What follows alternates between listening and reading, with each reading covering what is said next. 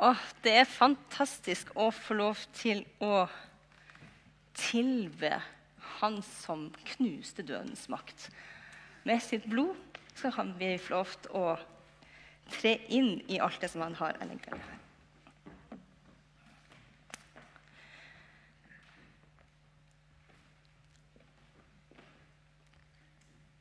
Vi har eh, nesten et år nå snakker hun om å være sendt. Så hvis det er noen som lurer på ja, hva er det vi holder på med, så holder vi fortsatt på med det. Eh, og Vi har snakket masse om det å være sendt i vårt hverdagsliv. På jobben, på skolen, i nabolaget, fotballtreninga. Om det å være sendt til å bygge samfunn, om det å velsigne byen. eh, Om, eh, om å se det store i de helt vanlige tingene i hverdagslivet vårt. Etc., etc., etc. Og Fredrik han pleier å si vi har bare skumma fløten. Så det er masse å ta av ennå. Eh, Men i dag skal du få en litt annen vinkling av det å være sendt. Vi skal nemlig hente Moses eh, og høre hans personlige historie, hvis jeg kan være så frimodig å si det. Mannen som Herren kalte, og som han sendte til Egypt for å lede folket ut av slaveriet. Hvem var han? Kanskje ikke så ulik en voksen nordmann.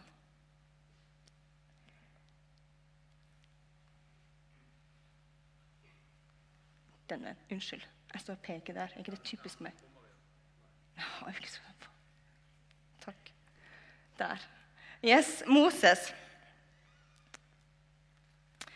Historien om Moses og hvordan Gud brukte han, den er jo ekstraordinær. Det kan vi fort bli enige om. Men det jeg vil invitere deg, det er inn i den personlige kampen som Moses hadde i forkant av dette. Og det er ikke så ukjent for oss, selv om vi lever mange tusen år senere. Og hvis noen av dere sitter der som var på formiddagstreffet i slutten av januar og tenker ah, jeg synes jeg, hører, jeg har hørt noe om Maria snakke om dette før, så vil jeg si ja. Eh, og hvis du både husker det ja, hvis du husker det, så enten så har jeg talt veldig bra, eller så lider du ikke av sånn der at man glemmer fort. Eh, men det blir litt, litt mer av dette. Eh, for dette, dette med kampen med det å være sendt og alt det der, det har liksom ikke sluppet tak i meg. Og jeg tror at det ligger noe her som Gud jobber med i oss. Eh, og når han jobber med noe, så må vi være der. Eh, ja. Det vi skal inn på, det er egentlig forhistoria til en mye større fortelling om da Moses leda israelsfolket ut av slaveriet i Egypt. Men forhistoria til alt dette Moses, hvem var han? Hans oppvekst det var i en spesiell tid. Israelsfolket, eller hebreerne som de også kalles, de kom til Egypt pga. en hungersnød. Og i Egypt der var det mat. Men krisen etter hvert den gikk jo over. Ja, Den var nå for lengst over. Men folket hadde likevel bare blitt igjen der. Folket vokste og ble veldig stort. Og Egypterne ble redde for dem.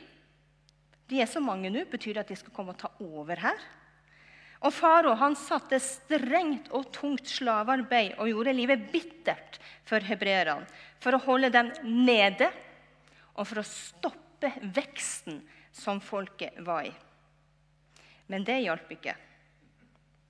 De vokste enormt i antall. Og da bød farao at alle nyfødte hebraiske guttebarn de skulle drepes og kastes i elva Nilen. Moses ble født under denne loven om at guttebabyer skulle drepes. Mora gjemte gutten Moses til han var tre måneder. Og Så kunne hun ikke holde han skjult lenger.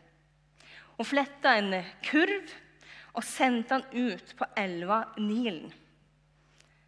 Samtidig som faraos datter tok et bad i Nilen. Jeg tror mora var genial. At det ikke er helt tilfeldig, det som skjer. For Egypterne tilba Nilens gud fordi den kom med velsignelse. Derfor var det også et viktig ritual å bade i elva Nilen. Og prinsessa gjorde dette sannsynligvis ganske ofte. Og mens hun bader i elva Nilen, så kommer denne kurven med barnet til henne. Nilens gud har gitt prinsessa en gave. En liten gutt. Og Det er kanskje derfor at denne gutten blir så lett akseptert inn i faraos familie. Han som var en hebreergutt som skulle drepes. Han skal selvfølgelig få lov til å være her. Han var jo en gave fra Nilens gud, og han skulle bli til velsignelse. Moses' mor visste jo om dette. Hun visste jo om avstyrkelsen med Nilen og elva. Og, og, dette. og jeg tror at hun hadde en timing. Og jeg tror at hun hadde en tro, kanskje en sånn desperat tro. Men Gud, du må gripe inn. For jeg tror at du har noe spesielt for denne gutten. Og så var hun smart. Det kan vi si. Storesøster Miriam hun fulgte nøye med kurven på avstand og så hva som skjedde. Og når hun så at den ble tatt imot av prinsessa, og hun ville ta vare på den, så kommer hun tilfeldigvis fram og sier skal, skal jeg hjelpe med å finne noen som kan amme gutten for deg. Og så er det at Moses får lov til å bli amma av sin mor. Og når han er avvent, så leverer mor tilbake til prinsessa. Og Moses vokser opp som prins og som en del av kongefamilien. Moses visste hvem han var. Prinsessa som fant han, ga han et hebraisk navn. Hun kjente såpass til det hebraiske språket. Og Selv om han ble oppdratt som prins og han ble oppdratt som egypter, så visste Moses, Moses at han var en hebreer.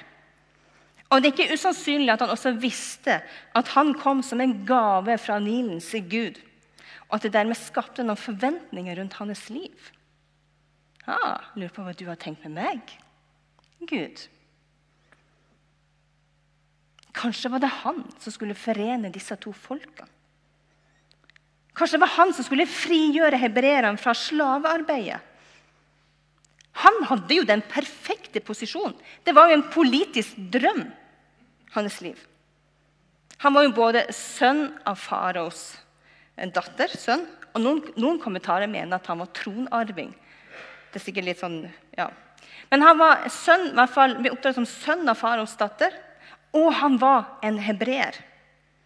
Og han var i hvert fall ikke likegyldig til hvordan faro behandla hebreerne.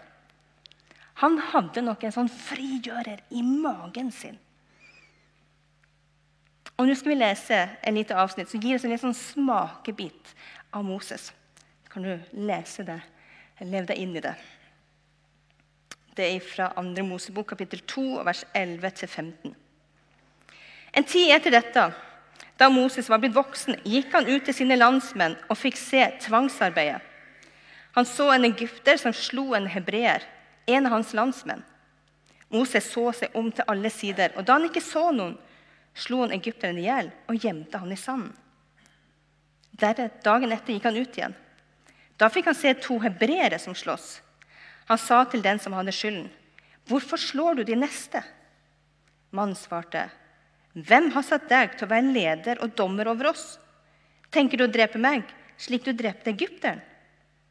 Da ble Moses redd og sa til seg selv, 'Så er saken likevel blitt kjent.' Da farao hørte om dette, prøvde han å få Moses drept. Men Moses flyktet fra farao. Han slo seg ned i landet Midian, der han bodde ved en brønn.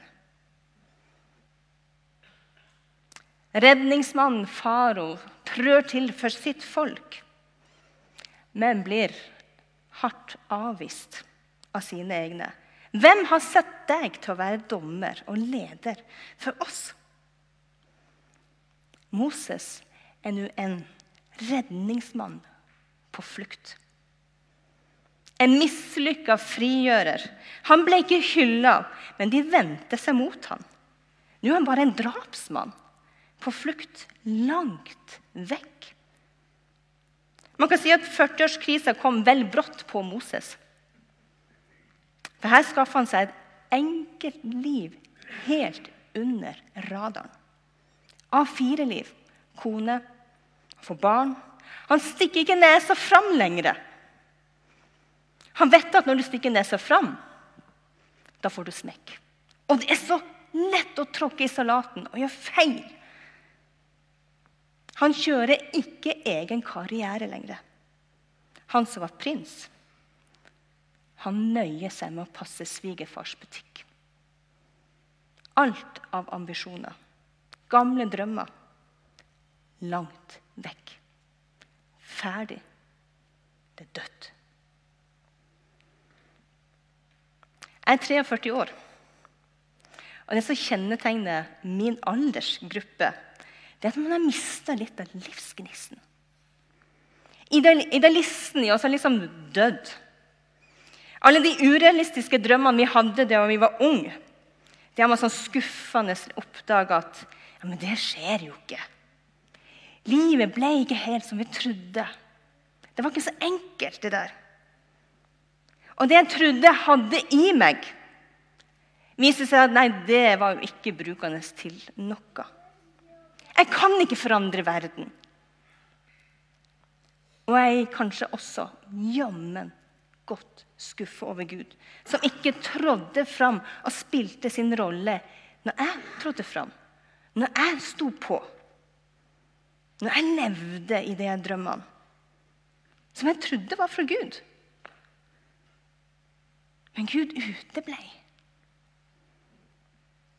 Så hva gjør vi andre 40-50-åringer og andre åringer, uansett alder, som er skuffa over livet, og kanskje skuffa over Gud? Jo, vi går under radaren. Og kanskje ungene blir så store at de klarer seg jo uten oss. Så vi trenger ikke stå sånn på. Vi kan bare ligge under der. Kanskje finner vi fram bibelverset fra Forkynneren 2,24, hvor det står Ingenting er bedre enn for et menneske enn å spise og drikke og unne seg gode dager midt i all sitt strev. Ja, vi tar den. Ja, takk. Hvor ble det av den livsgnisten som brant for noe større enn feriene og hytta? Det du hadde i deg som 20-åring. Lidenskapen, drømmene. Det du tenkte Gud hadde utrusta deg til. Drukna det i skuffelsen over at livet ikke ble helt som du hadde tenkt? I skuffelsen over Gud, kanskje? Ja, kanskje drukna det der.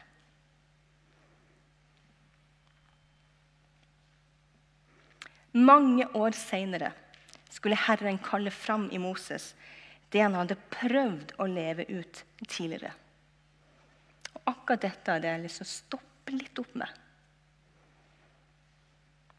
For mange år seinere skulle Herren kalle fram i Moses det han hadde prøvd på før. 40 år er gått. 40 år! Jeg er 43 år. Det er hele mitt liv. Gud har sykt god tid. Jeg sliter med at Gud har så sykt god tid. Men 40 år er gått, sånn står det. Så kaller Gud på Moses gjennom den brennende busken. Moses, som ikke eier en eneste gnist igjen, står nå foran busken, som er i fyr og flamme og ikke brenner opp. Og så sier Herren til ham, 'Gå tilbake til Egypt og sett folket mitt fri.' Jeg har prøvd det før. I've been there, tried that. Fordi Moses han er ikke jublende over å få en ny sjanse for å redde folket sitt. Det er liksom ikke noen glør igjen av den gamle lidenskapen og engasjementet. Og Moses er ganske drøy med Herren i den samtalen. Jeg tenker At han tør. Han prøver på masse unnskyldninger, og Gud snakker og han prøver å lokke ham fram. Og Gud gjør masse under der og da, bare for å skape tro i Moses. At jo, det er nå tida er inne. Men til slutt så kommer liksom både Gud og Moses helt inn til klinga på hverandre. Og Moses sier, 'Hør her! Send heller en annen.' Moses vil ikke. Og kanskje er det litt gjenkjennelig. Vil vi? Ah. Og vi er kanskje veldig gode på å pakke inn vår motvilje i alle slags unnskyldninger. Som ja, 'Hvem er nå jeg?' 'Nei, jeg er ikke så god til det der.' 'Nei, jeg skal, jeg skal ikke stikke meg fram.' Det, det er tid for noen andre å tre fram i det. Jeg kan liksom sitte her og 'Nei, jeg har ikke sånn følelsen for det.' Eller Vi er så gode på å pakke det inn. For aller helst så har vi bare lyst til å spise og drikke og nyte gode dager midt i all vår livsstrev. For det er ukomplisert. Og vi vet at når vi stikker nesa fram, så blir livet mer komplisert. Men svaret som Gud ga Moses, det er også det samme svaret som han gir til oss i dag. For Gud svarte ikke 'Jo da, Moses, du er så flink at det, det kommer til å gå helt fint. Du er bra. Du er modig. Du er god nok.' Du har det i deg. Ikke sant? Stol på deg sjøl. Du skal bare tro at det går bra, så går det bra. Svaret ligger nemlig aldri i hvem jeg er, men i hvem Gud er. Og Gud som sier, 'Jeg er', det er mitt navn. Jeg er den som sender deg. Og det samme som Jesus når han taler til folket. Hvorfor er det de vil steine han? Jo, for han tar det gudsnavnet og sier over seg sjøl. Jesus 'Jeg er'. Og den Gud er, det er nok. Og Herrens svar til Moses er at 'jeg skal gå med deg'. Men Moses visste bare ikke helt hva det betydde. Han hadde jo ikke erfart det. Ja, du går med, hva betyr det? Sånn klapp på skuldra, lykke til. Og kanskje er det sånn med oss òg. Vi kan snakke om at ja, Gud går med oss. Og, ja, ja, ja, men så dypest sett så ja, Men hva betyr det? Kanskje jeg ikke har noen erfaringer av hva det betyr at Gud går med. Moses fikk jo på ingen måte et enklere liv etter dette. Men han fikk virkelig erfare hva det vil si at Gud gikk med.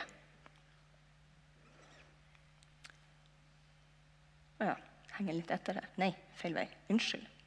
Sånn er meg. Hva er historien om ditt liv? Kanskje har du også gjenkjent et gudgitt kall og en oppgave i ditt liv.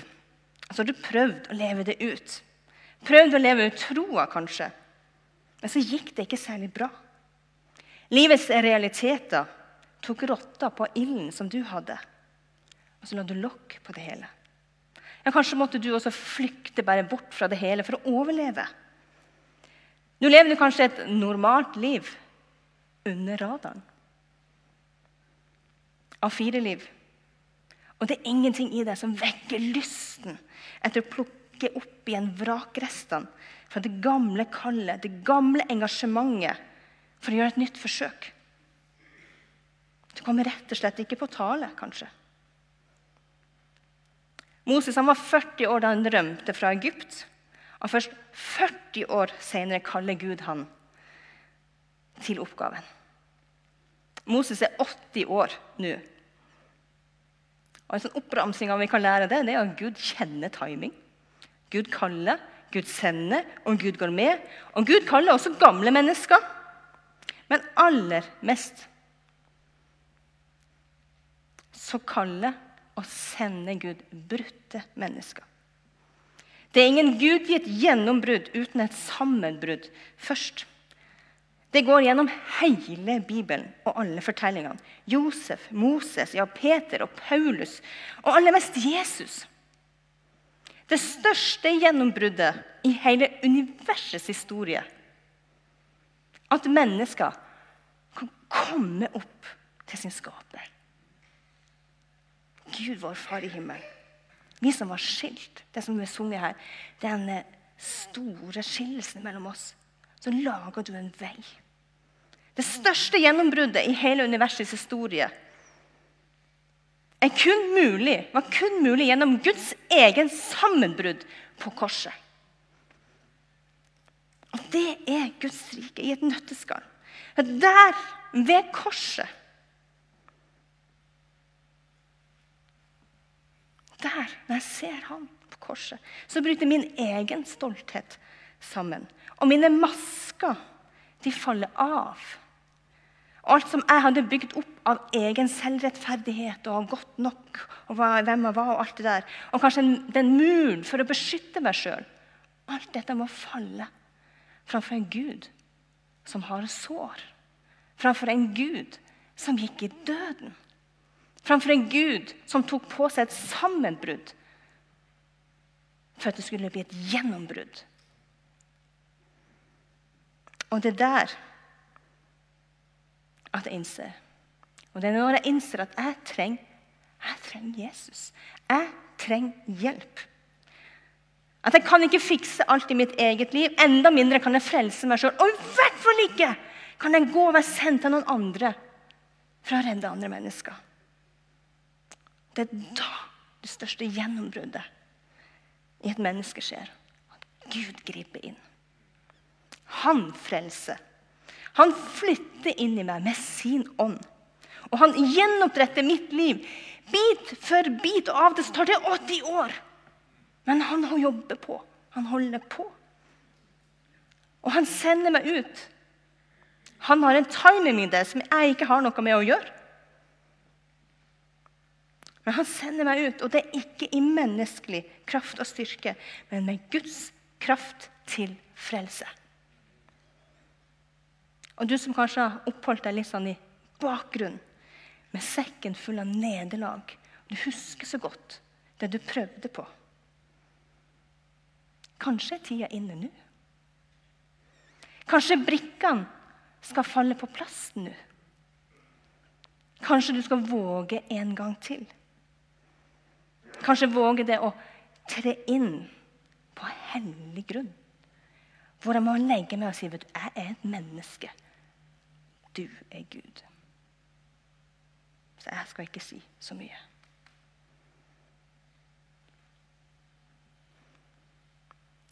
Jesus, her er jeg.